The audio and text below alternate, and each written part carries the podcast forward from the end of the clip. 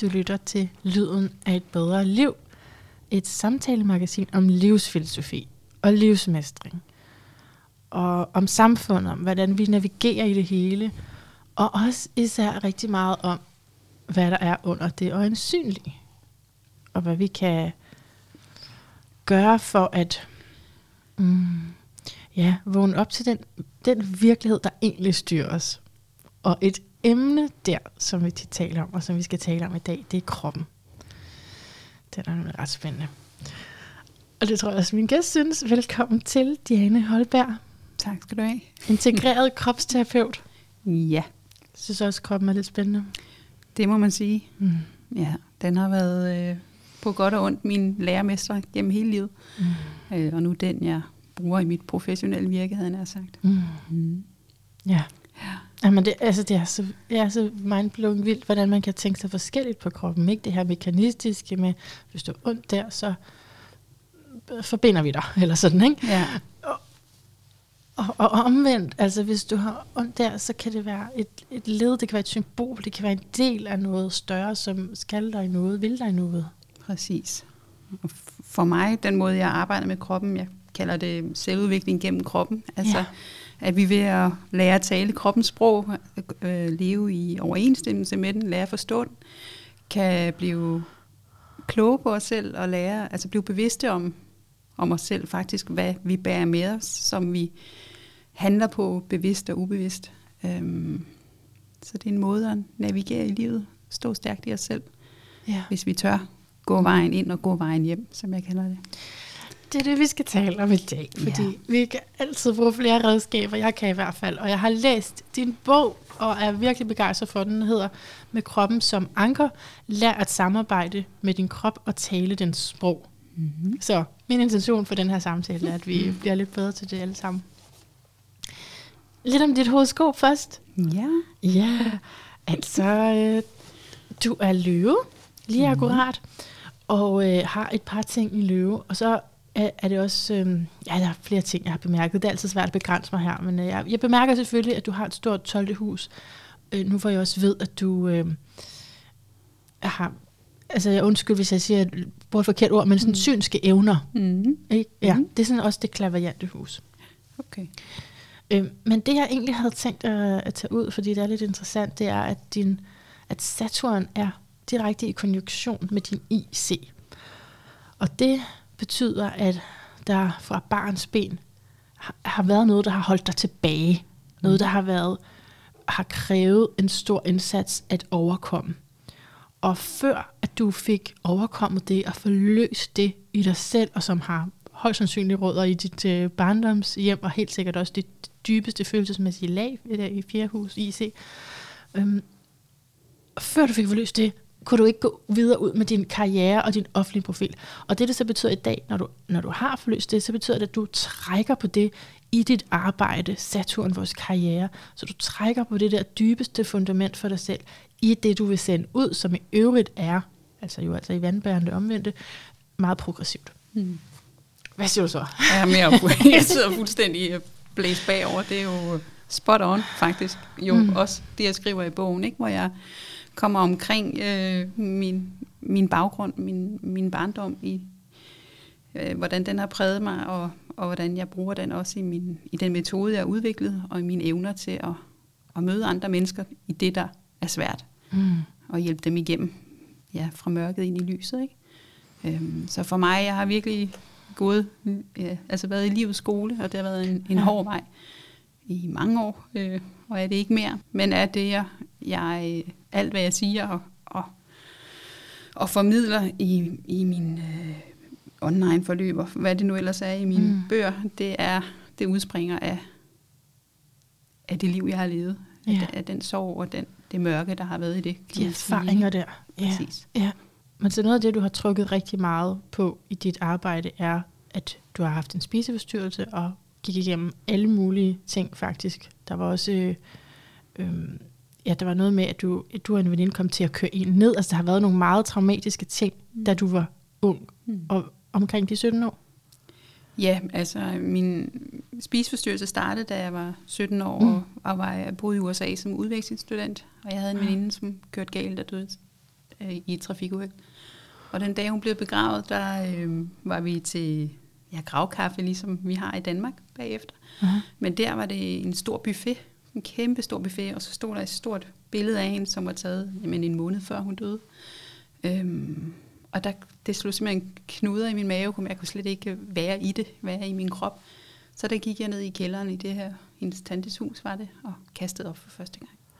Okay. Så derfra fulgte 12 år med, med angst og klaustrofobi og, og en seriøs øh, spiseforstyrrelse, som indskrænkede mit liv på rigtig mange måder. Og spiseforstyrrelsen, er det så det, man kalder bulimi? Det var det i øh, nogle år, andre år var det overspisning mm-hmm. øh, og anorektiske tendenser. Jeg har været mm. på vægtskalaen øh, 40 kilo mere, end jeg er nu, to gange i mit liv, og, right. og været helt nede, hvor jeg ikke havde menstruation i over et halvt år. Og, oh. altså, jeg har været hele vejen rundt yeah. i, i det, mm. det helvede, som det er, og hele yeah. spiseforstyrrelse. Men, men det, jeg trækker på, kan man sige, mm. er, øh, er jo så det, jeg har lært igennem den, den vej, jeg har fundet, både ud af spiseforstyrrelsen, men også af, af, af den barndom, jeg kommer fra. Det, det er det, jeg tænker jeg på, fra, fordi at når jeg læser din bog, så er der flere ting, som er sådan dysfunktionelle, ikke? Altså, og, men jo også det her traume med at have kørt en ned. Det er ikke noget, du skriver så meget om. Du nævner mm. det bare. Jeg så mm. det bare meget mm. vitalt for mine øjne. Ja. Det var, det var øh, ja, også mens jeg boede i USA. Okay. Vi var øh, mig og så min veninde, som døde, og så en anden veninde. De to har været sammen, altid vokset op meget tæt sammen, var nærmest som søstre, og tog mig ind i deres øh, tætte relation helt fra starten. Og øh, der indgik jeg i et venskab, jeg ikke havde oplevet før mm. i mit liv. Og øh, så da Annie dør, øh, bliver Nicole og jeg jo endnu tættere selvfølgelig sammen i den her sorg. Mm. Øhm, og der er vi en dag på vej ned at træne efter skole, og kører en dreng ned, som løber ind i vores bil, og det var ekstremt voldsomt. Øhm, meget, meget voldsomt, og ja. med politiet, der kom og hævde mig ind i en bil, og alt muligt andet, indtil vidner havde kunne sige, at det ikke var for vores skyld, men også de her vente, ventetiden, de her timer, indtil vi fik at vide fra hospitalet, at han havde overlevet. Det var, øh, som jeg også skriver i bogen, jeg, så kunne jeg med hovedet sige, men så er det overstået. Ja. Men jeg fik derfra øh, panikangst og klaustrofobi. Det forstår jeg godt. Ja, og mm. da jeg skulle hjem tre måneder senere til Danmark, der måtte jeg nærmest sådan skubbes ned af, af hvad hedder det, af gangen ned til flyet. Mm. Øh, fordi jeg var simpelthen så bange for at skulle flyve, og ah, det havde jeg ikke haft problemer med før. Jeg mm. kom hjem til Danmark, og så øh, gik der syv år, hvor jeg, øh, det blev værre og værre, kan man sige, min, min klaustrofobi. Så er de ting ikke også svære at skille ad? Altså fordi man kan fokusere på sådan noget som en spiseforstyrrelse, men hvis der også er andre ting, er det altså ikke svært at skille ad. Altså sådan synes jeg, det er med angst og stress og depression og alt muligt. Det, mm. det er svært lige at sige, at det, det var kun det her, det var det eneste mm.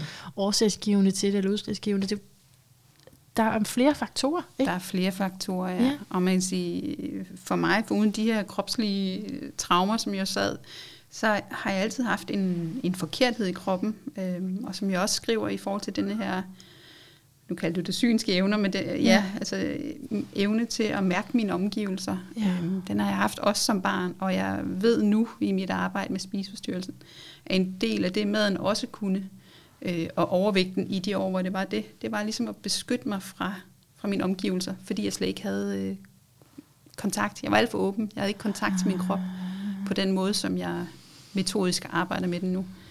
Øhm, Ja. Så, så spiseforstyrrelsen for mig, det var at afdække, hvad funktion den tjente. Den tjente også den funktion, at jeg blev så optaget af min, mit udseende, min krop i mange år, at jeg ikke, at jeg skånede mig selv for virkelig at mærke sorgen helt over det voldsomme, jeg stod i, da min veninde døde, for eksempel.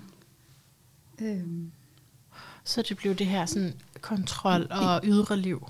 Ja. Med en opmærksomheden. Ja, fordi når så meget af ens tankevirksomhed og fokus fra man står op til man går i seng, ja. går med krop og mad og hvad det nu måtte være, ja. øhm, så er der jo ikke overskud til at tænke på andre ting.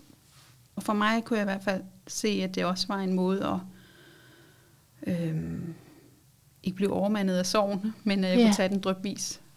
Det blev sådan en meget langstrakt sorgproces. Men, ja. ja, men det er jo helt vildt, det du så er nået til i dag, ikke? fra det udgangspunkt. Mm. Altså, fordi man kan også forestille sig, at du har været igennem den her spiseforstyrrelse og blevet healet, restitueret, men så bare har haft lyst til at sige, væk med alt det, ikke mere mm. med det, nu skal jeg over og være cirkusartist, eller mm. eller andet helt anderledes. Helt sikkert. Men du bruger det her, ikke? Ja. Du bruger den viden. Bliver du ikke nogle gange træt af kroppen? Mm. eller hvad? Altså, jeg har nogen, som barn drømte jeg om at blive- skuespiller Okay. og model. Og nogle gange kan jeg godt tænke, om hvis jeg er gået en anden vej, så med noget mere let og noget glæde og sådan nogle ting. Men, men det her, det er, det er mit kald, og det Ja. gør mig glad. Og jeg går... Øh, altså, det, det er så dybt indenfra, at det kan ikke være anderledes. Og du ved, hvad du taler om. ikke? Jeg ved, hvad jeg taler om. Og det jeg, ja. I, på side 23 skriver du om svimmelhed og nogle symptomer, som altså lægeligt, hvordan man sige, det er for mm. Mm. diffus til, at vi kan sige noget. Og så skriver du selv om det, at noget i dig ville livet mere, end du gav det lov til. Mm. Det synes jeg, det hæftede mig ved det der med, at der er noget i mig, som vil livet mere, end jeg giver det lov til. Mm. Hvad betyder det?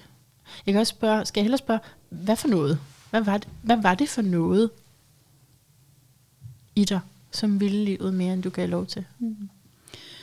Det er, det er den, du møder nu, tænker jeg. Det er, Ah. er mig, der lever fra min, fra min sjæl. Altså virkelig står, øh, står stærkt og klart i mig selv.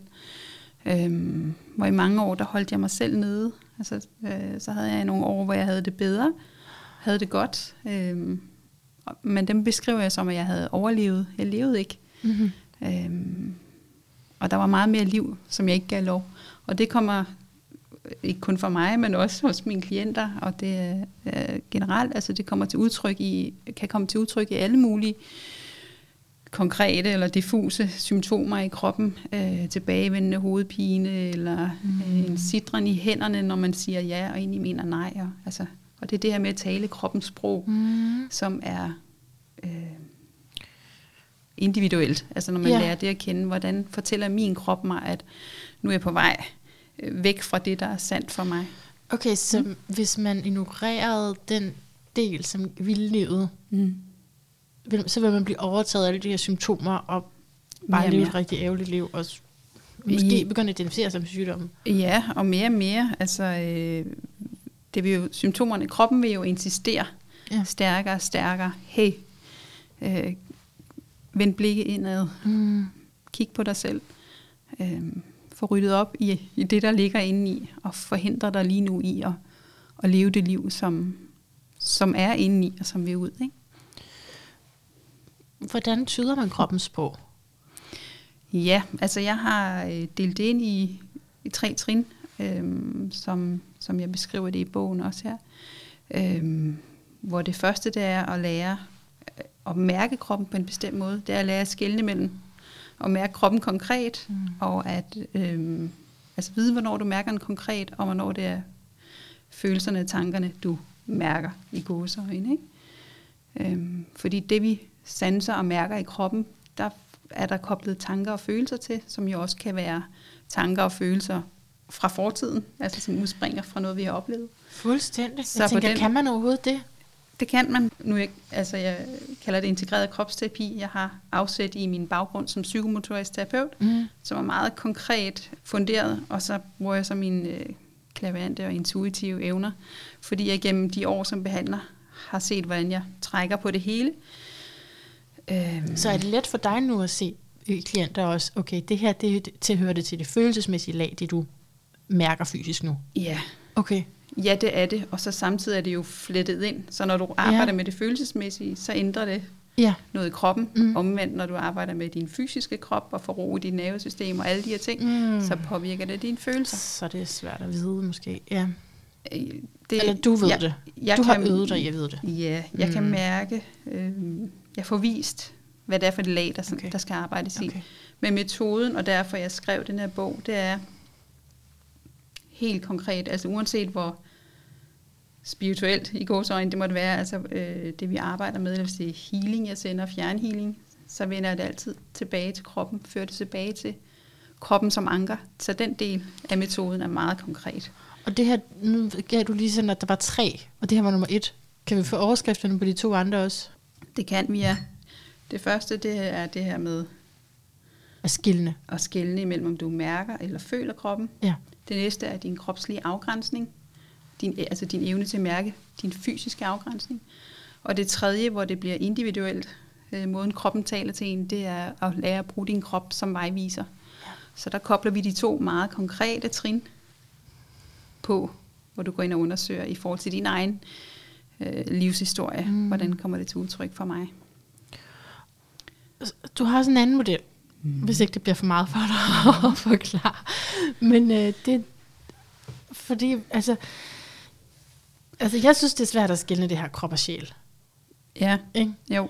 Men så skriver, du skriver om det som et firkløver. Mm. Krop, tanker, følelser og sjæl Mm. fortsætter ind i hinanden. Midtpunktet af dit anker. Hvordan det? Ja, ja. hvordan det er. Sig noget mere. Øh, midtpunktet, ankeret, det er der, hvor du taler kroppens sprog. De her tre trin, mm. som man lærer i, i bogen. Og faktisk, hvis du husker mig på de spørgsmål lige om lidt, Ja. ja. så vil jeg lige tilføje Ja, ja, her, endelig. at, at de her tre trin, dem, dem øh, satte jeg egentlig sammen i forhold til spisforstyrret i sin tid, og tænkte, det, fordi det var simpelthen de redskaber, det var det, jeg brugte til at filtrere spisforstyrrelsen fra min måde at sanse og være i min krop på. Mm. Det var den, der gjorde, at jeg blev fuldstændig fri af min spisforstyrrelse. Mm. Right. Og det skrev jeg en bog om, da jeg var færdiguddannet. Øh, lavede det her øh, trætrins program, eller hvad man skal sige. Og så tænkte jeg, så er det det. Men jeg kunne se igennem alle årene her med mine klienter, uanset om de kom med angst eller stress, eller øh, en sorg, de stod i, øh, så er det det samme redskaber, jeg brugte, i forhold til, at de skulle lære at, at være med det der svært. Det er en meget konkret metode til at kunne Mm. få øje på, hvad er det, der fylder ind i mig? Hvad er det, jeg, hvad er det der er svært ind i mig? Og så en måde at kunne være med det på, uden at lade sig overmænde. Mm. Det er det, du har skrevet en bog om. Det er det, du siger. Det er det, jeg Det skrev. Ja, det var egentlig konkrete det, måde. ja, Ja. i forhold til spiseforstyrret, men det, er Ja. det, sa- men det, det er er, egentlig det også her. Ja. Ja. Mhm. Så når jeg nu igennem årene har udviklet endnu mere, tager afsæt i mine intuitive evner, og, ja. og står ved det også over for mine klienter, uanset hvad de kommer med af årsag, Ja. øhm, så skal de altid øh, arbejde med, med at lære at tale kroppens sprog, altså de her tre trin, som er i ankerbogen. Ja. Så det er egentlig fundamentet Ja. i metoden, det der meget konkrete, kropslige forankret. Mm. Så er vi ved at lære at mærke og sanse kroppen på den her bestemte måde, aflæse den Mm.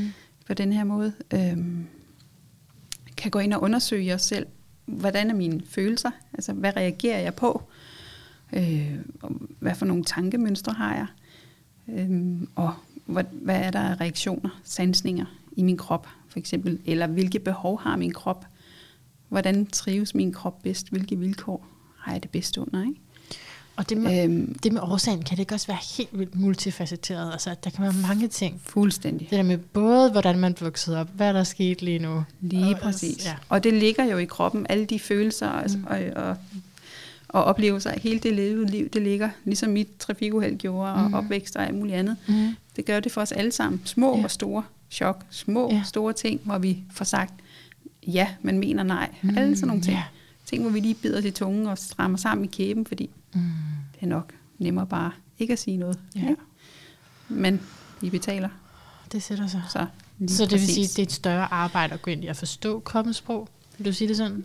Øhm, altså både og, fordi det er egentlig, ja det er det. Altså man kommer ikke til mig en gang, og så er det klappet og klaret. Nej. Altså det er et arbejde, man, man gør. Der er en, kommer man til mig under en behandling, så er der den passive del, hvor jeg aflæser og healer og det, der foregår Ja. på den måde på briksen.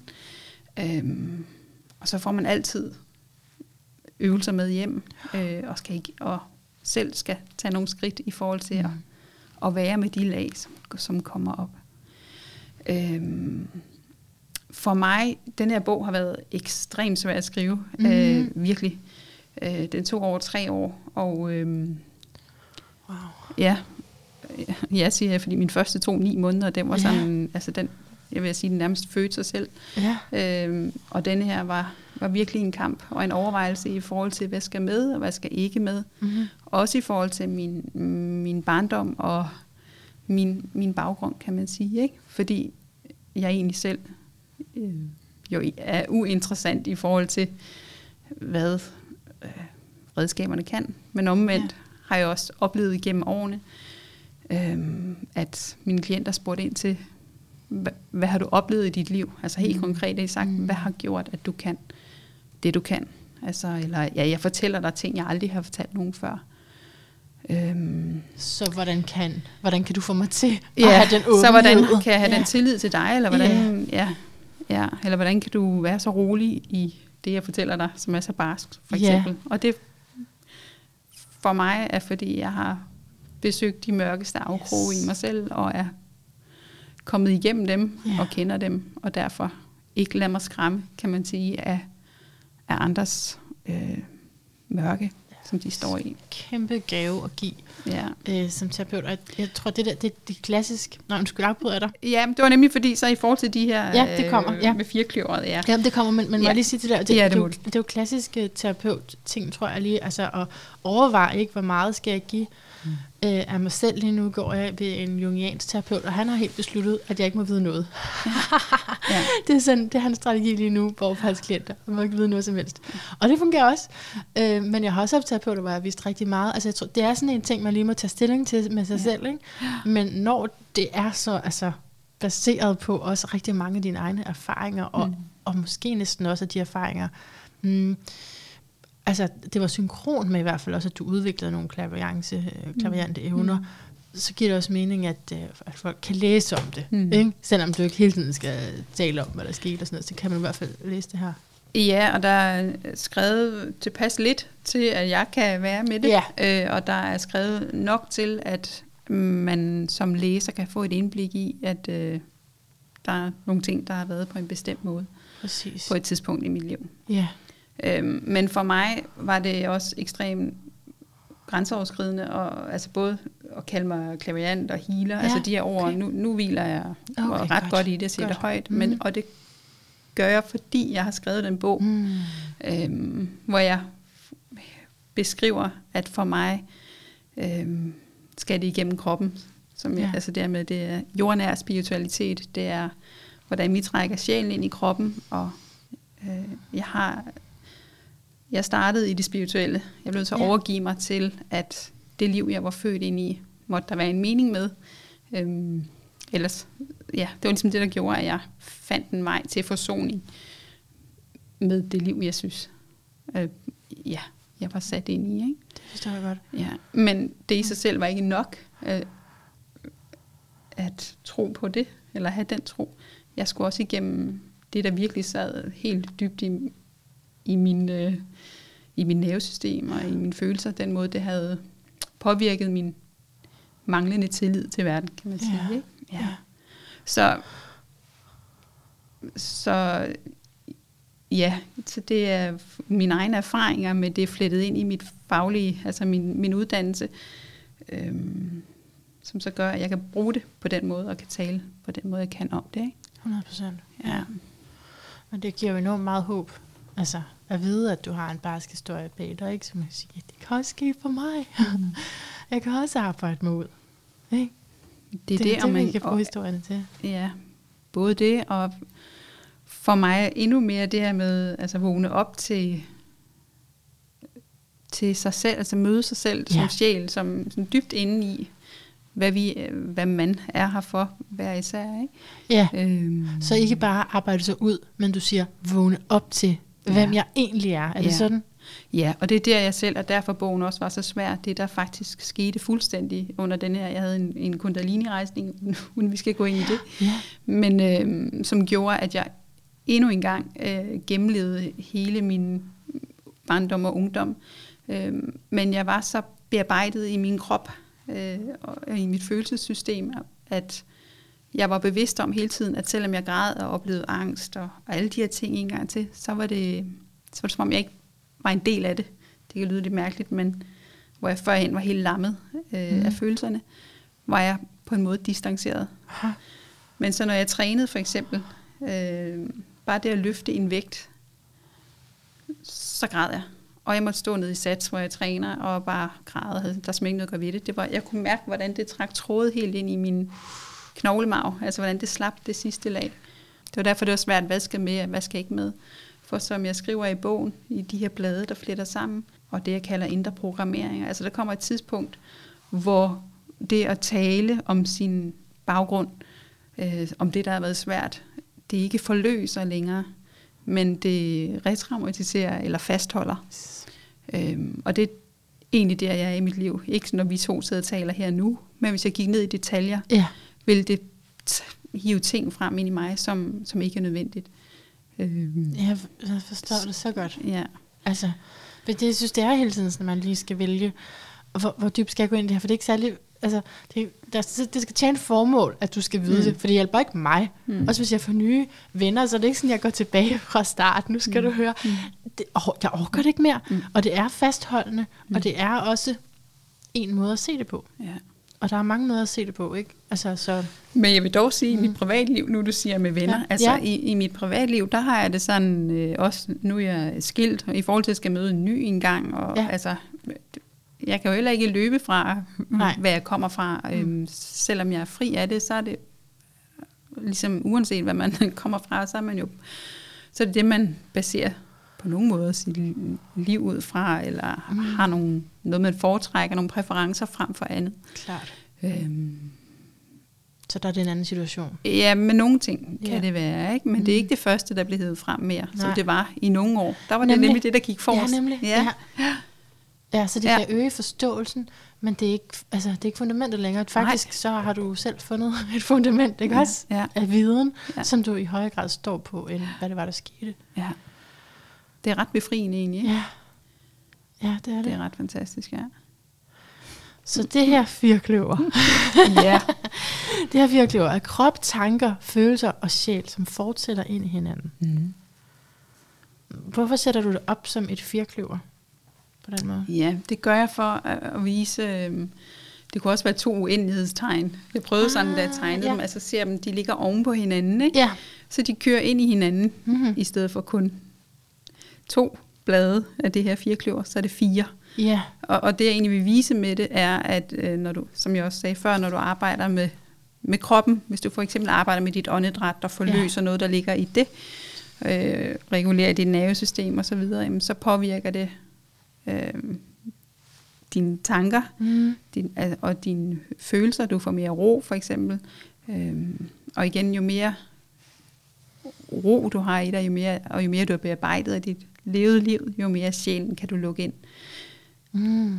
Ikke? Ja. kan du leve ud fra, kan man sige. Ikke? Øhm, men som jeg, altså, det her med, at jeg så i mig selv de her tråde, og jeg ser det også hos mine klienter, hvordan det, altså det kom som sådan nogle gyldne tråde helt ind i, ja, i knoglemagen. Jeg, jeg kan sidde, hvis jeg holder mine klienter med hovedet, Ja. så kan jeg se, hvordan forbindelsen er ned i fødderne for eksempel, eller jeg kan sidde og vente på, og det kunne jeg allerede, for, altså da jeg startede som behandler, uden jeg var klar over, hvad det var, der foregik, men så ville jeg vide lige om lidt, altså jeg sender energi derind, eller Ja. jeg taler egentlig med det område af kroppen, og lige om lidt vil klienten bevæge den Er kropsdel, det rigtigt? og det skete. Og så sker det. Ja.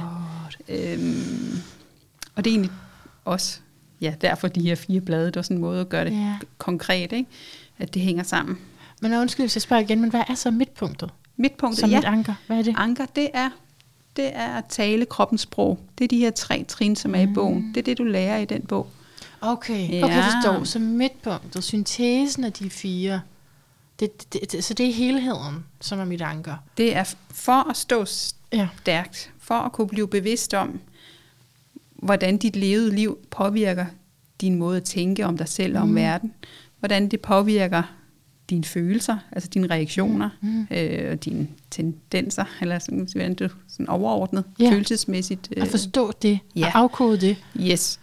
Øhm, så skal du tale kroppens sprog, og Ah. det gør du. Eller med kroppen som anker, ikke? Stå stærkt i din krop. Med kroppen som anker i verden. Og det er det, du gør ved at gennemgå den proces, de tre trin er. Mm. Det lyder meget kompliceret, men egentlig er det, når man kan det, meget simpelt. Men indtil det er lært, er det lige en pro- proces. Jeg tænker, at du har systematiseret noget, vi alle sammen står i. Lige præcis. For det her er jo livet. Det går ondt, og vi skal finde ud af, hvad, hvad handler det om. Ja. Når det ikke er, fordi vi bare lige har tyret knæet ind Det er nemlig det. bordet. Men, og som jeg skriver i bogen, altså det, det forpligter os, eller det kræver Ja. noget. Og det har jeg lagt mærke til også, når jeg beder mine klienter om at lave en udtalelse til min hjemmeside. Det er altid helt frit. Øh, egne ord, hvad vægter du? Og der er mange, der skriver der med, men øh, Diane forventer os, at vi Ja. laver lektier, og vi laver noget, det er en aktiv del, og det er det virkelig. Mm. Mm. Det er Mm. ikke kun, ligesom jeg også har oplevet, øh, i de år, jeg var i de spirituelle kredse, så tog jeg helt afstand for det i 15 år, indtil jeg så havde den her pang, Mm-hmm. mm. øh, kundalini-rejsning, ikke? Okay, ja. Ja. Øh, men den her, når jeg lægger mig på en briks, og så er der nogen, der fikser mig, eller Aha, eller det var det, du har. Nej, ja. Jeg kunne nemlig ret godt tænke mig lige at snakke lidt om det, fordi øh, du, du skriver, har et segment med omkring kurser og forsvarlighed. Mm. Øhm, og du skriver, at det spirituelle og intuitive skal følges op af en konkret og ansvarlig indsats. Ja. Hvad ligger der i de erfaringer, du, du har gjort dig i det spirituelle miljø, som afviger fra det? Ja. Der ligger de erfaringer, at jeg som 20-årig, da jeg selv startede min sådan øh, spirituelle søgen, ja. øh, gik et år på øh, et center, et sted, kursuscenter, Ja. øh, med, ja, vi var vel i alt, har jeg mødt omkring 70 mennesker, søgende unge mennesker, Ja. hvor det var dybt spirituelt og intuitivt, meget, meget øh, klaverant og indfølende underviser, Mm. men hun havde ingen fornemmelse af overhovedet, hvad hun åbnede op. Så vi var mange, der på mange måder havde det værre, da vi tog derfra. Så jeg skal lige forstå, det var en, du sagde, det var en dybt intuitiv og spirituel underviser, Ja, men som ikke havde en idé om, hvad hun åbnede op. ja. Hvordan hænger det? Det hun, kan man vel ikke? Hun havde, altså dengang hun sagde, hun ikke, det ikke var terapi, men det var hardcore terapi. Ah. Ja. Så, så man stod Right. alene med sine egne Mm-hmm. processer på mange måder, ikke? Mange- Og nogle knækkede undervejs, og ja. skulle samles op efterfølgende. Ikke af hende, eller, men Nej. på sin egen vej videre frem. Ikke? Øhm, og, ja, og så for mig, i mange år, så følte jeg mig forkert. Jeg tænkte, "Nå, men er det bare mig, der ikke kan give slip på det, der har været? Eller, du ved, man hører tit den der, bare slip det, der var. Eller, Mm. øhm, men jeg, sådan, jeg kan ikke bare slippe, Nej. hvor end jeg gerne vil. Så er der, er der sket de ting, min krop bærer på det, mine følelser Yes. gør, mit hjerte er slået i tusind stykker. Mm.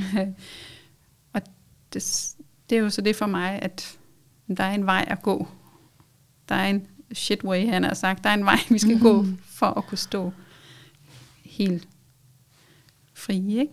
Jo. Så der var jeg så meget modstand på det spirituelle, at kalde mig klaverant, eller at jeg kunne hele, fordi jeg ikke ville sættes i bås med, Det, du havde oplevet der. ja, Aha. og som jeg så, som, som jeg også stadig, tænker jeg, eller oplever jeg, eksisterer, ikke? Ja, ja. Den her, ja. Åh, oh, ja, det er virkelig, Så det er virkelig spændende. Det er virkelig mm. Ja, så det med virkelig at, at, at vide, hvad har du med at gøre. Det var også derfor, Ja. jeg så læste psykomotorisk terapeut, fordi Mm. den på mange måder både fagnede det, altså psykologien og øh, psykiatrien og anatomien og fysiologien, så er virkelig helt konkret øh, både blev bekræftet i de erfaringer, jeg havde haft selv i forhold til mine soveprocesser osv., og min spiseforstyrrelse, men jeg kunne forklare, hvorfor det med kroppen virker, fordi det var jeg begyndt at have en erfaring af, og så havde jeg brug for at kunne forklare helt konkret, hvorfor virker det at arbejde med kroppen. Så de første mange år som behandler, holdt jeg mig også meget konkret kun til kroppen og til Mm. hvilke samtaleformer, alt det her i forhold til det terapeutiske. Øh, og det er stadig fundamentet, men det spirituelle, det helt store, Du kan ikke fornægte det. overhovedet ikke. og det, det gør for mig, at jeg kan rykke mine klienter endnu mere Ja. i den forening af de Ja. dele. Ikke? Og det er integreret kropsterapi. Det er øh, integreret kropsterapi. Sådan der. Yes. Ej, men det er, jeg synes, det er meget spændende, den refleksion, du åbner op for der. Både den store ansvarlighed, der er, når man holder noget som helst, og hvor meget hmm, man måske også selv, altså, er, man skal også selv være klar, ikke? Fordi der kan være ting, du er nødt til at tage hånd om selv også. Um, og tit, når man søger, så er man jo ret sårbar. Ja. Altså, fordi det er derfor, man søger. Det er nemlig det. Og hvis den behandler, man kommer til, uh, terapeut og kald det, hvad det vil, ikke har øh, indsigt nok til at vide, at, øh, eller Det kan stort, det mærke, her. at det her skal Ja. vedkommende ikke øh, have åbnet op for lige nu, fordi Ja. det kan vedkommende ikke håndtere. Ja. Altså det er jo Så kan det gå meget farligt. Altså Ja. det kan virkelig gå galt. Ikke? Mm. Øhm, så Mm. ja, så jeg havde en klient på et tidspunkt, hvor jeg øh, kunne mærke, øh, med det samme, jeg fik et billede af, at øh, han havde været mis- øh, seksuelt misbrugt. Aha. Men jeg kunne ikke sige det højt, mm. eller i talsætte det, for jeg, jeg tænkte, den lader jeg ligesom ligge i baggrunden og møder ham der, hvor han er, og det han arbejder med. Øhm, og det var først fjerde gang i forløbet, tror jeg, hvor han fortalte det, ikke? Og det har han aldrig fortalt nogen før, og manden var 38, ikke? Ja, wow. Øhm, wow. Og det er sådan noget, hvis jeg havde sagt det med det samme, så var han enten gået ud af døren. Nå, undskyld, du sagde, du havde fornemmet det med det samme? Ja, det er det, når, når jeg, Ah. ja, lige præcis. Så, og hvis man bare åbner op og siger, at jeg kan se det Ja. det, eller dut, dut, det, i min verden dur det ikke. Det, Så det, det har du nogle principper omkring, eller du kan intuitivt mærke, når det er. Ja, og det, det- det samme, når jeg har, altså for eksempel, det er en spiseforstyrrelse, man, man kommer med, Ja. så og i forhold til ja, selve det her integrerede kropsterapi, så er det meget forskelligt afhængig af, hvor min klient er, hvad der vægter højst. Mm, mm. Så kommer du med angst øh, eller en spiseforstyrrelse, så taler vi meget ind i det konkrete. Og først når man står stærkt, det gælder egentlig alle, når, først når man står stærkt i sin krop, stærkt forankret i den, som man lærer ved at tale kroppens sprog, Ja, først der folder vi endnu mere ud det, der ligger. det er, det er så, så godt, det du siger der. Og så oplysende, synes jeg. Fordi det forklarer jo, for det kan gå ret galt, mm. hvis man har en dialog med en, som altså har, mm, sidder i et eller andet, og man så siger, tror du ikke det, er fordi, altså så kommer man sådan nogle lidt mere spirituelle indfaldsvinkler. Mm. Der er bare ikke et møde der. Mm. Der er ikke et møde, og det er simpelthen timing, vil du sige? Det er proces, det, det, man, er, man er ikke kommet dertil, hvor man er modtagelig for det. Så det er ikke fordi, at det her er, vil være en bedre løsning. Altså hvis du kom med det fra starten, så er det ikke sådan, om det her det er svaret. Det er simpelthen, mm. mennesket er ikke der, så det er Mm. ikke svaret for det menneske på det tidspunkt. Er det sådan? Ja, det kan man sige med nogle ting. Mm. Og med andre vil det simpelthen åbne op til for store Right. traumer, at right. man vil blive... Øh, at man vil vælte af det, ikke? Ja. Øh, man kan sige, jeg arbejder også med tidligere liv, eller altså, Ja. når, når det er det, vi bevidst går ind i, og det, eller får det vist automatisk, men jeg har nogle, hvor vi gør det helt Hvor I bevidst går i regression. Det, ja, præcis. Øhm, og der kan jeg også mærke, hvordan skal det formuleres, eller er det her en Right. viden, Er den brugbar? Eller sådan? Ja, er det en viden, der Okay. kan rummes og håndteres? er den, giver den fremdrift? Er det en, der kan bæres med? Eller vil den mm, vælte vedkommende? Mm. Mm. Ej, det er, det er en meget fin gave at have. Altså det, mm. det tror jeg er en sans, vi alle sammen kunne lære, altså få noget ud af at, at skærpe. Mm. Jeg kommer selv til at tænke på, når du taler om øhm, ja, astrologikurser, ikke? Mm.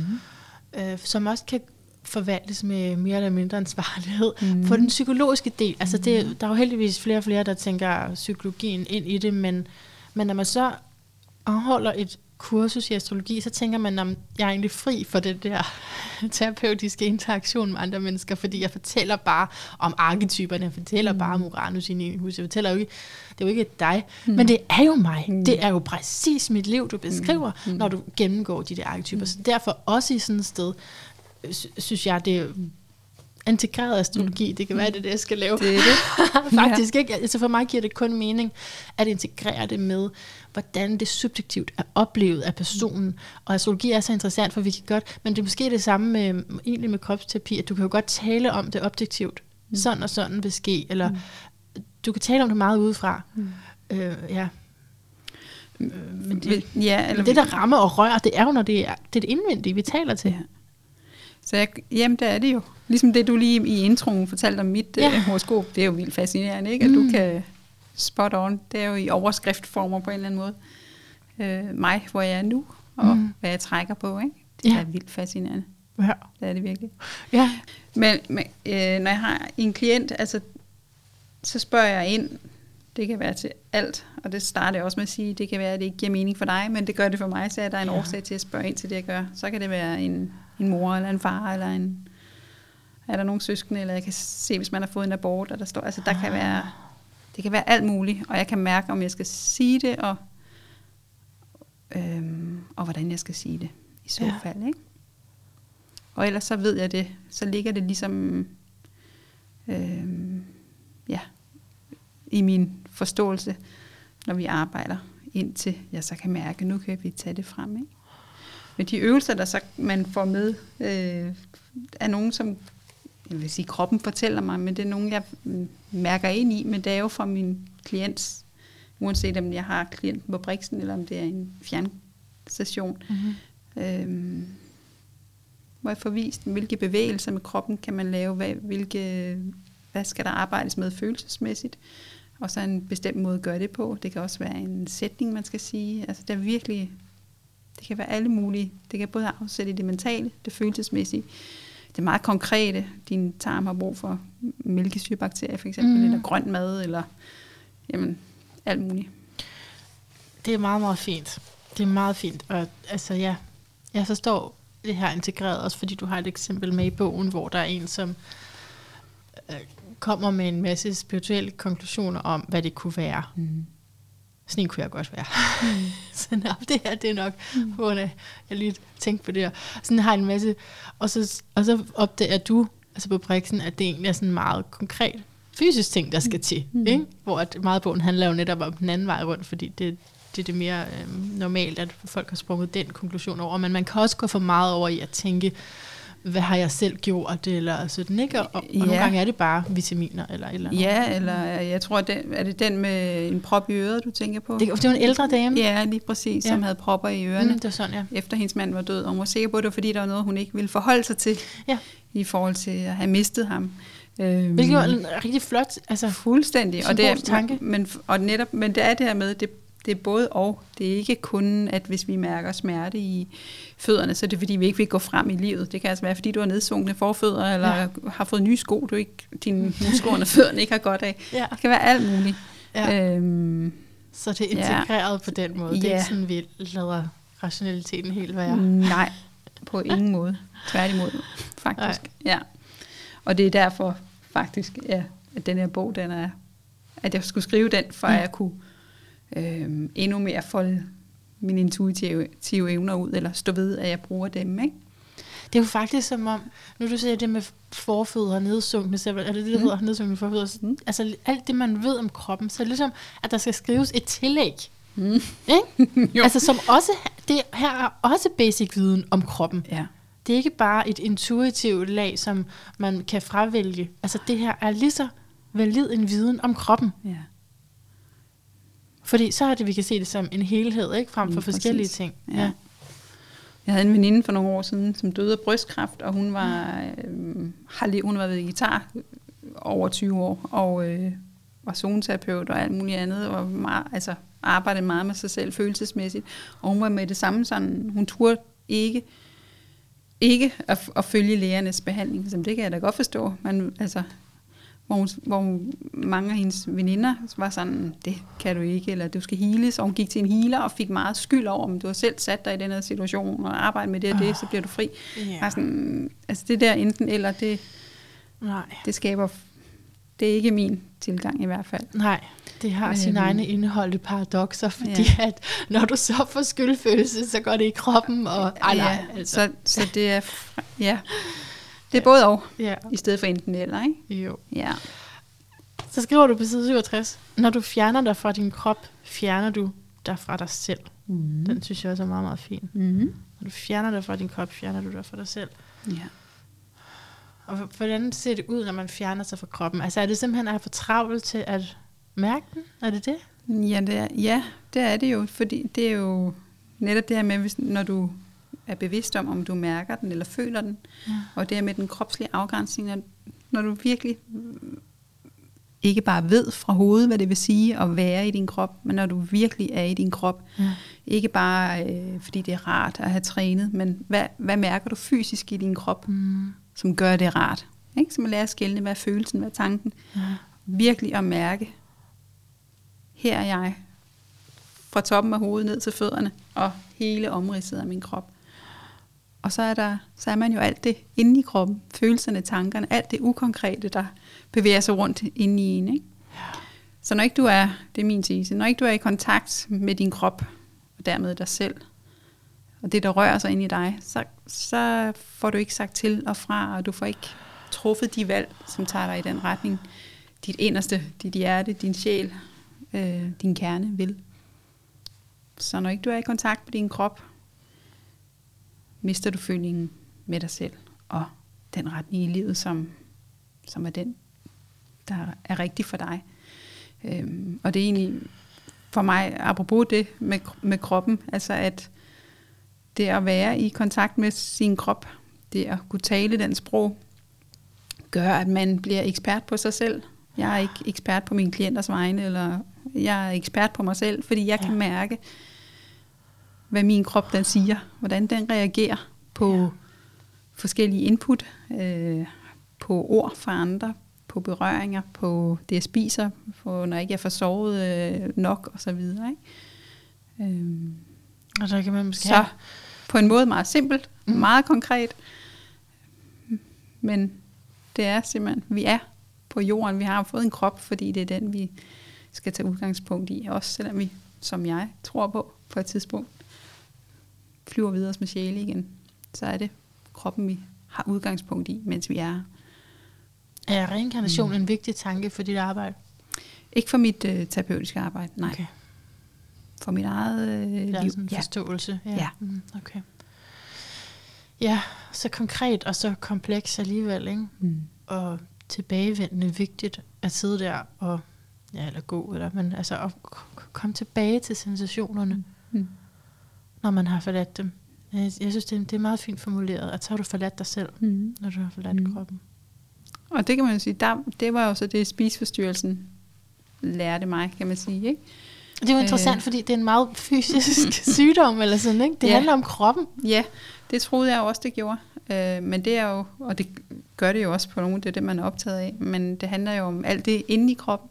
Ja. Øhm, om, og alle de sansninger for mig, jeg havde med kroppen, som var forbundet med, at det var ubehageligt at være i min krop. Eller det mindede mig om ting, jeg havde oplevet, som ikke var rare, eller ja. øhm, så spiste jeg for at undgå det, eller trænede for at undgå det, eller sultede mig, hvad det nu har været, spiseforstyrrelsen på, ja. i perioder bad mig om. Men det jeg opdagede, da jeg startede på studiet her som psykomotorisk terapeut, det var jo, det var jo ikke kroppen, det var ikke sansningen, det var følelsen, som sansningen udløste. Det var følelsen af at blive berørt på en måde, jeg ikke kunne lide. Eller, mm, ikke? Mm, mm, ja. Så jeg prøvede at flygte fra den. Men det var så tæt koblet sammen, at jeg slet ikke kunne skille. Øhm, og ah, det lærer man. det er vigtigt for dig, det at skille ting. Ja, og ikke bare for mig, men det er det, ja, der ja. er. Ja. Det er simpelthen en nøgle. Og så fandt ja. jeg så en måde, det, øh, jeg tror det var i, var det i 70'erne måske, en afspændingspædagog, der stille det sådan op med kropsoplevelse og kropsbevidsthed. Altså en måde, vi oplever kroppen på, og en måde, vi ja. vores bevidste, altså konkrete viden og konkrete sansning. Uh-huh. Og det var med det udgangspunkt. Så fra starten af, da jeg begyndte at læse, studerede, så havde jeg min egen øh, hemmelige agenda her. Det var at lære at være i min egen krop og skille mm. de her Mm. Og det lavede så den her bog om, og de her tre trin. Hvordan gør, mm. kan man så gøre det? Øhm, og det er jo så bare udviklet sig endnu mere til jeg kunne se, uanset om det var bankdirektøren, eller den studerende med en spisforstyrrelse, eller, altså eller, hvem det var, og hvad man kom med, så er det en vej til at, at finde hjem i sig selv og arbejde med sig selv. Ikke? Altså, jeg synes også, det lyder enormt velkendt, når du taler om, og du nævner de ting under spiseforstyrrelsen. så, så lyder det. Men jeg tror også, at rigtig mange af os har en eller anden grad af spiseforstyrrelse. Ikke? Ja. Så er det bare noget med, hvor yderligt, yderligt vi formår at, at tage den hen. Ja. Men altså, vi er jo mange, der spiser på følelser. Mm. Det er og det, så spiser, når vi ikke altså hele tiden. Altså, ja, ja, ja. Og, øh, og er utilfredse den ja. ene dag, og, og alt muligt andet. Ikke? Øhm. Og det er et traumerespons, har jeg fundet ud af. Mm. at have det behov der. Ja, det er en måde at regulere nervesystemet ja. også, og altså, det, er, det er mange ting. Ikke? Mm. Tryghed, kærlighed, følelsesmæssigt. Ja. Tankemæssigt kan det stoppe øh, tanke, hvad skal man sige, hele tiden den her strøm, der kører øh, i hovedet på en hele tiden, ikke? der, jo helt sikkert. Og også når man ikke har en kæreste, yes. så er det som om, at altså, ja, så kan man sådan logisk finde nogle undskyldninger, jeg taler om mig selv. Ikke? Jeg kan sådan logisk tænke, at det gør jo ikke så meget, om jeg lige tager lidt på der, hvor man alligevel har tøj på. øh, og så også bare øh, en companion på en eller anden måde som ligger i sengen sammen med dig. Ja, ja. ja så er det rent fysiologisk, at hvis du, altså, øh, spiser meget af det søde, jamen, så Ja. vil det kalde på mere. Så på den måde også, ja. det forstærker sig selv, så mm-hmm. det ikke kun er følelsesmæssigt. Det er det også. Ikke? Så bliver det også et fysisk behov, det Ja. du er addicted. Ja, så det er jo bare for at sige, det Så der er mange jeg vinkler forstår, til det. at Ikke? det, at det også er universelle nøgler, Ja. når også det med spiseforstyrrelse faktisk er noget, rigtig mange kan genkende i en eller anden variation, ja. fordi mad er, hvad mad er. Okay, Men Ja. som, ja, ja. Og som sagt, det var sådan, det startede redskaberne, men at det er de samme, jeg bruger, uanset hvad man skal arbejde Mhm. mm. med, at blive bevidst om i sig selv. Ikke? jo, Som jeg skriver i bogen om hende her, der øh, kom til mig, fordi hun ikke kunne forstå den uro, hun havde i sin krop. Hun var vinterbadet og løbetrænet og var i super form, dyrkede, yoga. Øh, havde virkelig god kropskontakt, øh, hvor vi var inde og skulle finde ud af, hvad, hvad er det, der har gjort, at hun lige pludselig havde de her stresssymptomer, som hun havde. Ikke? Så det med, når først du lærer at være i din krop og mærke afgrænsningen, når du kan trin 1, og du så i trin 2 lærer at mærke afgrænsningen, så vil du begynde at kunne aflæse, blive bevidst om, hvornår mister jeg min afgrænsning. Og så er det så, man kan finde ud af, øh, hvorfor mister jeg den? Hvad foregår der følelsesmæssigt? Hvad er jeg påvirket af i mine omgivelser, eller inde i mit eget hoved, som gør, at, øh, at jeg lige nu fjerner mig fra min krop, kan man sige. Ikke?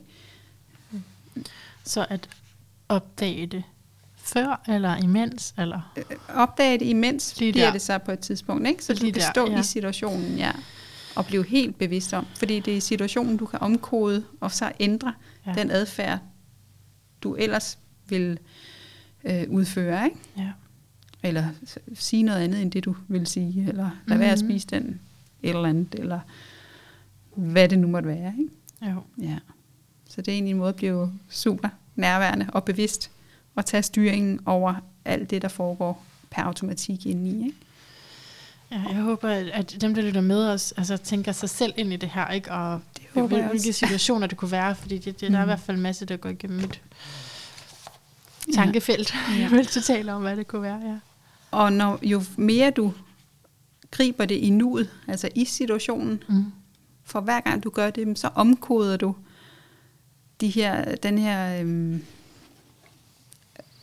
hvad skal man sige, den her indre programmering, den her automatiske måde at handle på og agere på. Du går ind og omprogrammerer, så det ikke er det, der ligger lige for hver gang. Så Og det er den, bedre, den mere hensigtsmæssige reaktion, der Ja, så det er det, du ønsker egentlig. Som, Ja. ja, lige præcis. Og i det ligger der også en bearbejdelse af, af det, der har ført til, ja.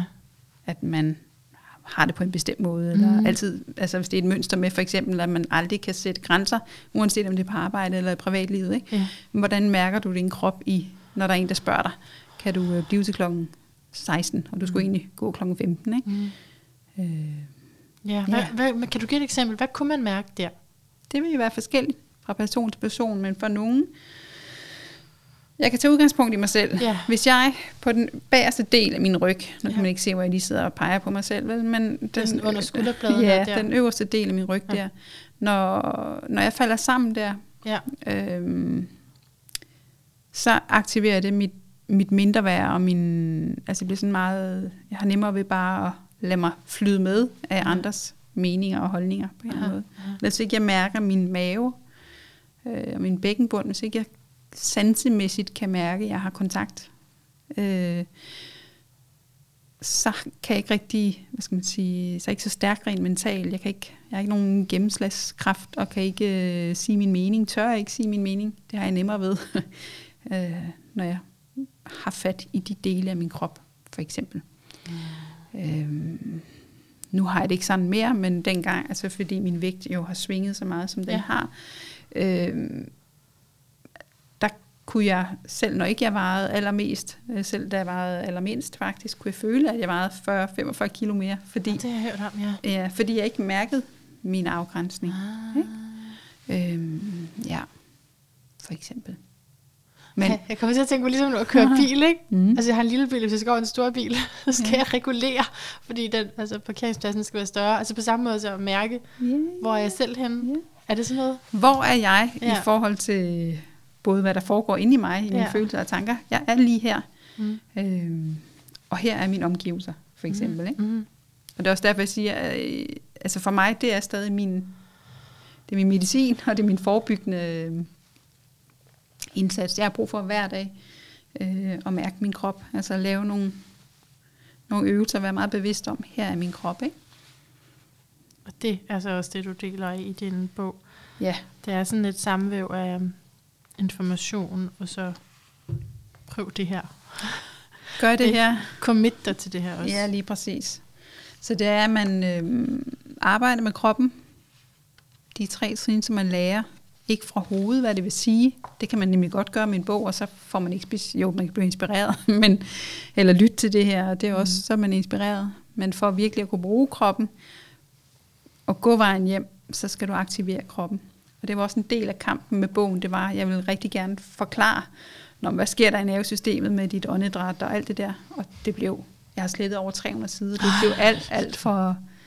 Altså så fandt jeg jo, så taler ind i intellektet, og ikke ind i kroppen. Ah. Og det der, jeg er super skarp. Jeg ved, jeg har den viden, jeg står på. Ja. Øh, og jeg ved, hvorfor jeg siger, øh, gør det og det. Mm. Øh, og det er sådan set det. Jeg kunne godt, hvis man taler fra hoved til hoved, så kommer forandring ikke. Mm. Den skal komme ind fra klienten selv. Ikke? Helt klart. Fra en selv, i, altså ved at bruge kroppen, aktivere kroppen, mm. og så Mhm. jeg lærer at tale den sprog, som jeg kender det. Ikke? Jo. Mm. Men når du taler, så kan jeg sætte mig ind i altså situationer, Ja. øhm, hvor jeg med fordel kunne have vidst, også, altså at, at nå til det punkt, der inden eller imens, det vil jeg gerne, fordi det er altid efter, at jeg Yes. opdager, at jeg er gået over min fysiske grænse, eller har forladt kroppen. Eller, Ja. Eller man har fået sagt, sådan er det for mit vedkommende. Jeg skriver også i bogen, ej, hvorfor sagde jeg ikke det i situationen Ja. for mit vedkommende? Jeg kan Mm. stadig, hvis folk er vrede, hvis de Ja. kører meget i vrede, eller sådan, man kan mærke, Ja. det ligger på sådan en understrøm, at de gerne vil være, øh, vinde den her, Mm. Hvad det nu måtte være. Så automatisk, så bliver jeg i et med tapetet, Ja. fordi det er mit mønster fra jeg var barn. Ja, Pas på dem, der er vrede. Ja. Forsvind. Eller altså, Ja. bliv usynlig. Ikke? ja, det kan jeg så godt. Ja, og det ligger stadig så dybt i mig, men jeg er bevidst om det, mm. og kan så gøre noget i situationen rent kropsligt. Øh, spænde op i mine muskler for eksempel, så jeg vækker min hjerne, den omstiller sig til, nu er jeg her i anno 2022 øh, Ja. ja. i det her rum med den her person. Øh, og så kan jeg lynhurtigt, det sker jo lynhurtigt ind i sådan tankemæssigt, hvad foregår der? Hvad vil min automatiske reaktion være? Det vil være at trække mig og bare sige, værsgo, tag det, for eksempel. Men nu tør jeg åbne munden. Det kan godt være, at min stemme ryster og alt muligt andet stadigvæk, og jeg sveder i hænderne mm. under armene, Mm. fordi det stadig et eller andet sted dybt, dybt inden er utrygt for mig. Klart, Men jeg gør det. du gør det. Ja. For eksempel, altså, nu er det Mm. lige et eksempel, ikke? men så det Ja, der ja. måde i nuet og omkode, hele tiden omkode. Ja. Og så Men- bliver det nemmere og nemmere. Ikke? Jo, men det, det føler jeg er spot on til min proces også. Mm. Og det du så bidrager med her, det er, hvordan kroppen er en kæmpe aktør her, Mm. og indeholder så meget viden. Redskaber. Ja, redskaber. Hvordan vi med den faktisk ja, kan være med, med, med vores følelser. Det er også en måde at gå helt ind i, altså gå helt i opløsning øh, i sorgen, eller mm. hvad for en følelse der er, men og så bagefter kunne hente sig selv tilbage ved at skabe mm. den her fysiske kontakt Mm. til kroppen. Ikke være i følelsen af den, Mm. men i den konkrete sansning. Så man Mm. er her og nu igen. Jeg er her lige nu. Mm. Jeg har lige været inde i et rum, som var fyldt af tårer, eller mm. Mm. nogle gamle minder, der gjorde ondt, eller var ubehagelige, eller hvad det var. Ikke? Så vi hele tiden kan bevæge os ind i noget, der måske ikke er rart at være i, eller Mm. som kan være overvældende, men Mm. hele tiden så finde tilbage til nu og her. Mm. Så vi også kan dosere, hvor meget vi er i, i fortiden, for Det eksempel. sorgfulde. Mm, I det sorgfulde, ja. præcis. Så vi er lige ved at runde af, men der er jo flere ting, jeg har lyst til at læse op for din bog, men øhm, nu har jeg lige fundet et sted. Mm. Vil du, eller skal jeg læse op? Du må meget gerne. Okay. så vi er på side 71 mm. i Mhm. Med kroppen som anker, Diane Holberg. Og overskriften hedder, i processen med at indtage et nyt bevidsthedsniveau, skal det gamle gennemleves for at slippe. Og så skriver du, ved starten af et behandlingsforløb er der særligt en forventning, der går igen. Forestillingen om, at når du først har fået det godt igen, kan du fortsætte, som du altid har gjort. Men sådan forholder det sig ikke. Og spørgsmålet er også, om det egentlig er det, du vil. Uanset om dit svar er ja eller nej, ændrer det ikke ved, at du ikke kan få det bedre, uden at have reflekteret over, hvad der har bragt dig hertil. Ligesom du ikke kan leve i tæt kontakt med din krop, uden at følge det, den viser dig. Denne hovedrengøring i dine indre rum vil forandre dig. Det, du lagde vægt på før, er måske ikke så vigtigt længere, og det vil måske være andre ting og måder at leve på, og andre relationer, nye værdier, du vil søge. Så jeg kunne bare godt tænke mig lige at høre lidt om det her med, at vi forventer, at så går vi tilbage, for eksempel efter et stressforløb, efter mm. en eller anden nedtur. Nå, mm. nu er jeg tilbage. Mm. Så siger du, det er faktisk ikke det. Det er ikke det, nej. Altså Skal. nødvendigvis. Hvad man kan, sige, Kan man godt komme tilbage helt? Ja, altså man kan sige, lige med stress, så kan det være, at man i en lang periode, hvor man oplever, at ens hukommelse ikke kan, eller man ikke, ikke fungerer på samme måde, eller man mm. ikke kan have så mange bolde i luften. Mm. Men for mig er det mere, det jeg mener, det er, at man i forhold til ens livsværdier, ja. for eksempel, er det nødvendigt at arbejde så så mange timer for at have guldvandhanen og øh, det er det krus, eller den levestandard, eller mm. er der noget andet? Vil du mere ud i naturen frem for, mm. øh, hvad det nu måtte være, dyre rejser, eller bliver du næret af dine venskaber, øh, de relationer, du er i? Så man kan, altså i mødet, jo mere du møder dig selv, når du, det forpligter, altså, mm. og det, det kan ikke, den dør kan ikke lukkes igen, når først man har fået kontakt til sig selv dybt inde. Øh, så det kræver mod på rigtig mange måder at turde arbejde med sig selv. Ikke? Det er meget interessant. Gå dybere. Ja, men man ja. sådan tænker, nu har jeg fået det godt igen, tilbage. Så kører vi. Ja. ja. men så går det galt igen, eller hvad? Det kan det gøre. Altså, hvis der er noget i ens liv, og det er det jo ofte, øh, i hvert fald dem, som også søger sådan en bog, øh, eller måden, jeg arbejder på, så er det jo for at finde ud af, hvad er det, der har ført mig hertil? Hvad er det, jeg ikke trives med? Hvad er det, jeg ikke, der ikke gør mig godt? Øh, jeg vil gerne have mere tid sammen med mine børn. Så skal jeg måske gå ned i fem timer på arbejde, så er der mm. lidt mindre løn, men så er det et cafébesøg mindre, eller mm. den veninde der sidder jeg altid kun og lytter til. Jeg er mm. fuldkommen drænet, når jeg går hjem derfra. Ja. Eller, ikke? eller tør jeg gå på café uden at have fuld makeup på? Og, altså ja. sådan nogle ting. Ja. Jamen, det er rigtig gode eksempler. Ja. Ja, det, det gør, at jeg lige kan tænke på, hvad det kunne være. Mm. Ja. Mm. Og det er ikke fordi, som jeg også skriver et andet sted i bogen, det er ikke fordi, at det nødvendigvis er kæmpe store forandringer, og så skal man skilles, Nej. eller huset skal sælges, eller man skal en helt ny karriere, eller leve i en skov, eller slet ikke, men at man mærker efter. Det kan være små ting og større ting, som har skabt den mistrivsel, som jo så med tiden er blevet så ofte, når man kommer til mig, så har kroppen sagt fra i et eller andet vis omfang, eller man har tilpas nok følelsesmæssig smerte til øh, eller, hvad skal man sige, eller før man, man opsøger hjælp, ikke? Mm. før man tænker, nu, nu må jeg mærke indad. Ikke? Mm. Jo. Det er et kæmpe selvstudie, mm. som fortsætter, og det lægger du også vægt på i din bog, at det, det er en livslang læring her, ikke? Det er det. Og at det er det, men samtidig, i hvert fald for mit eget vedkommende, det at nå et sted, ligesom vi startede med at snakke om også, ja. du sagde, i ens relationer, at det ikke er fortiden, der fylder som det primære. Ja. Ikke? Øhm, det er ret Jamen, jeg kan at nå også, dertil, men stadig klar. at udvikle sig. Ja. Afvikle noget gammelt, men gammelt, men stadig udvikle mere og mere nyt. Ja. Så det behøver ikke at være lige så tungt og smertefuldt hele vejen igennem. Heldigvis for det. Mm-hmm. Men øhm, man skal også ture siger, på en. Ja, undskyld. ja, man skal turde kunne gå ind og, og være med det, som, ja. som også går ondt, ikke? for jo. at det så ikke går ondt mere, kan man sige. Ikke? Siger kroppen også de små ting? Altså når vi den, taler den sprog, altså formidler den også helt i de små. Mm. Okay, så det vil sige, når vi mærker det, og der er sket noget voldsomt, så er det fordi, vi ikke har hørt de små ting. Mm. Altså, okay. ja. ja. Ja, og sådan er, ja, nu kan vi til udgangspunkt i stressforløb, der har man fået, og det kan de fleste, jeg møder på min vej, godt se, når de sådan ruller tilbage, hov, der var et advarselssignal ja. der og der og der og der. Jeg ja. mærkede faktisk godt det der, men mm. Mm, det tænker jeg ikke over. Eller fordi vi er så vant til, at kroppen den skal bare følge med. Ja, altså, det, er ikke? Rigtigt. det er rigtigt. Men det er ikke sådan, det fungerer. Nej. Øh, på et tidspunkt, så siger den, så siger den fra. Så siger den, tag mig under armen, lyt til mig. Ja. Jeg har brug for dig. Kom ja, tilbage. jeg har brug for dig, og mm. gør du sådan her, så får du det meget bedre. Mm. mm. Så smukt. Okay, så vi er lige ved de sidste ting her. Mhm. Øhm, du kan lige tænke over, om der er et eller andet, som er meget vigtigt, som jeg ikke fik spurgt ind til. Ja, det kan du sagtens spille mig ind. Det kommer nok, når jeg cykler afsted. Ja, så hvorfor var der Mm. ikke det? Men ellers så...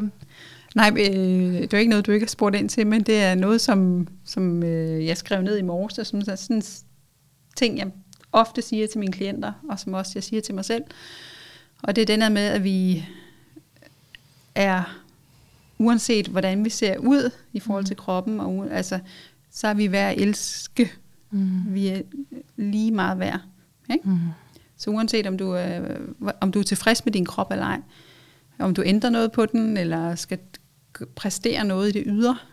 Så vi er meget sådan, øhm, hvad skal man sige, vi, vi er vant til, eller mange af os, der med, at vi skal se ud på en bestemt måde, eller Yes. kunne noget bestemt, eller præstere noget bestemt, Ja. for at få anerkendelse. Og den Ja. anerkendelse forbinder vi med vores værd indeni. Ja. Øh, og som jeg også skriver i bogen, i hver kapitel, jeg afslutter med, mød dig selv med tålmodighed, kærlighed og tålmodighed. Og det er jo denne her, godt, du sagde det. ja, det er jo virkelig den her med, at du er værd at, at elske. Altså, favn dig selv, vid dybt inde, at du er elsket, uanset om du mangler en fod, eller ikke kan gå, eller er tyk eller tynd, eller hvad det nu måtte være. Ikke? Det Så. er jeg nemlig glad for, at du siger, fordi Mm. mm. det er også for at fortælle, hvordan øh, bogen er, at du netop altså, slutter afsnit af. Er det, er det alle afsnit, du Det slutter er af? næsten alle kapitler, ja. Ja, hvor du Mm. skriver, altså mød dig selv med kærlighed og tålmodighed. Mm. Og ja, det har også fået mig til at filosofere over, hvad kærlighed overhovedet er, og hvis man skal trække på et gammelt bibelvers, Mm. der er nok ikke nogen dy- nye bibelvers, men øh, så, så, er kærlighed jo også tålmodighed. Ikke? Mm. Eller kærligheden Mm. er tålmodig. Mm. Det er det. Og så fik jeg sagtens sige, at jeg elsker dig, men er vi i stand til virkelig at vise dig tålmodighed? Ja. Altså både andre mennesker og vores egen krop Ja. kan jeg være tålmodig med den. Være tålmodig med kroppen, og med, med ja, igen have, have forståelse for, hvad, hvad liv kommer du fra, hvad bærer din krop mm. på af oplevelser, og altså favn dig selv, i, i stedet for at sammenligne dig med dem omkring dig. Ikke? Du er elsket, du er værd at elske, peger jeg op til. Altså den kærlighed, der er tilgængelig for os alle sammen. Ikke kun for andre mennesker, men fra det guddommelige, hvis man tror på det Ja. dybt inde i sig selv. Ikke? Ja. At den stiller ingen krav. Og jo mere vi kan åbne op til den, møde os selv derfra, øh, jo mindre skal vi præstere. Altså, så ikke det bliver, at vi skal gøre noget, eller se ud af noget, være på en bestemt måde, for at være værd at elske. Mm. Men det skal komme indenfra. Mm. Jo mere vi kan komme derfra, det er meget smukt. Mm. Så mit sidste spørgsmål er jo til, hvad din lyd af et bedre liv er. Men først så vil jeg invitere dig til at trække kort, altså et tilbud. Har du mm. lyst til det? Ja. Okay.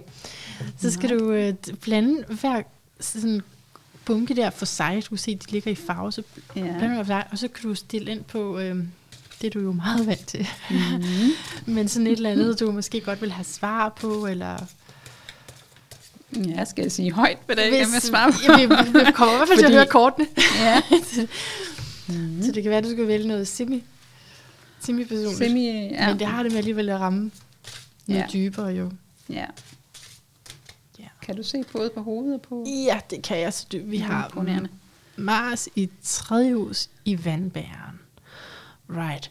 Så Mars arbejdsenergien, jeg kunne både tale om arbejde og energi, Mhm. Og øh, det tredje hus, altså det er det hus, du har din sol i, og det er huset for kommunikation. Mm. Så det er meget, meget fint at være forfatter der. Nå, og så har du øh, Aquarius vandbæren, som var den, jeg talte om at være progressiv ude i verden, altså din MC, din, din karrierelinje. Mm. Så det vil sige, der er ret meget af det her, som jeg synes taler om, øh, din plads i verden, og, og det her drive til at skrive om noget, som folk kun næsten er klar til. Mm. Yes, story of my life. Ja. Ja. ja. Hvad passer det på noget, hvad du spurgte om? Fuldstændig. Okay. Så mangler jeg bare om, øh, at høre, om det bliver et lykkeligt udfald. Jamen, det gør det. Fordi, ja, okay, fordi det er fuldstændig det, jeg spørger om. Det gør det, og øhm, nu kommer jeg lige til at tænke på, altså også dit horoskop, ikke? Mm. med det her 12. hus, som ligger i tvillingen. Mm. Og det 12. hus er også, hvad vi sender ud til det kollektive. Mm-hmm.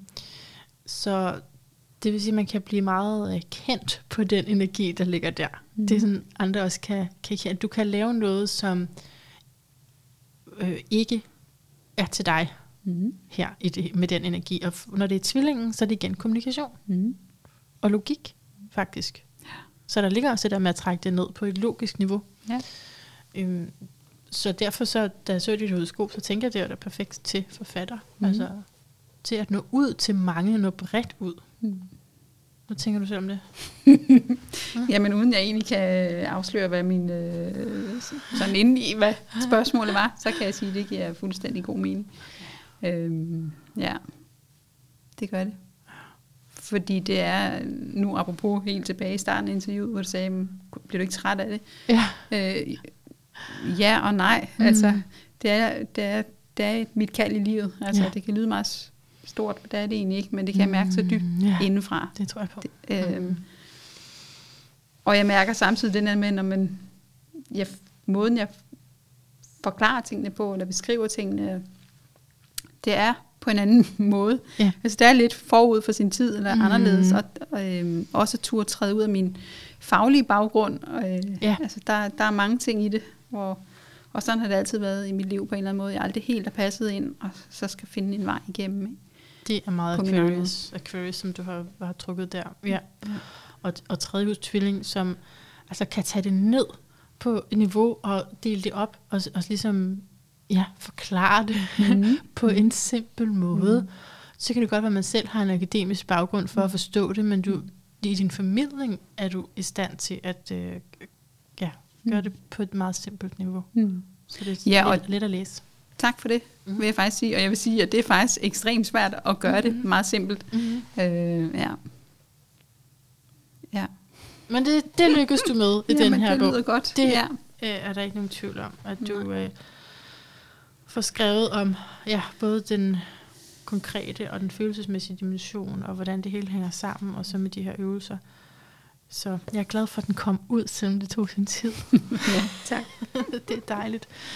Okay, mm. så Diane, bare øh, det sidste spørgsmål. Mm. Hvad er din lyd af et bedre liv? Min lyd af et bedre liv, det er at turde gå vejen ind i dig selv. Det vil sige for mig, altså vende dig om, gå ind i din krop, lære at leve indefra, så du lever ud fra den, du er, i stedet for, hvad du, der er forventninger udefra. Og lære at leve indefra og ud. Mm. Perfekt, jeg elsker den lyd. Mm. Elsker den lyd. Tusind tak, det har været en fornøjelse at møde dig til den her samtale. Lige måde. Absolut.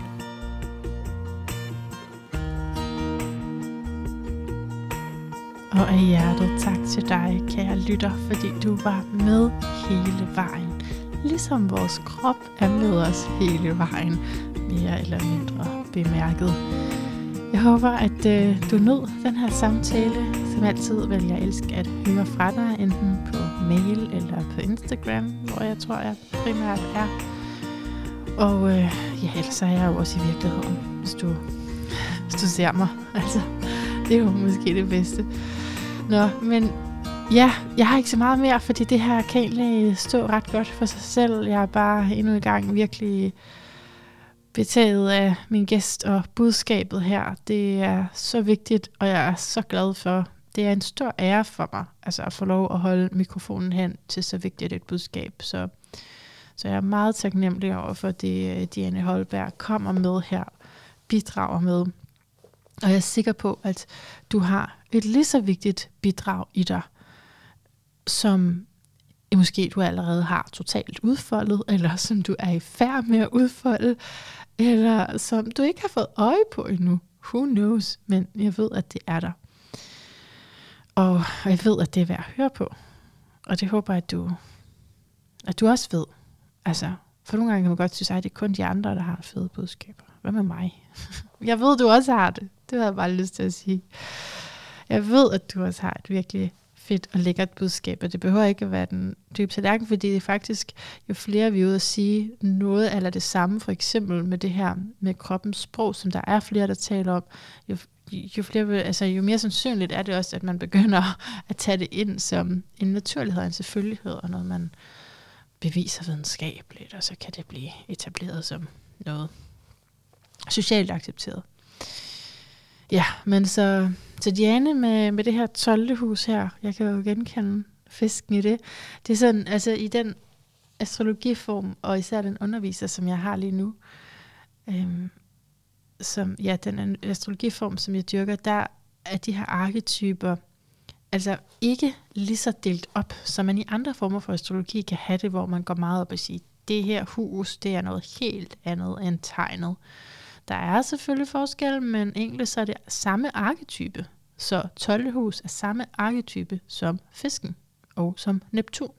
Så anyway, jeg kunne bare genkende mig i det, øh, uden at, øh, at det har, altså det er ikke det hele, men jeg kunne genkende mig i den her store empatiske indlevelseevne, som hun har.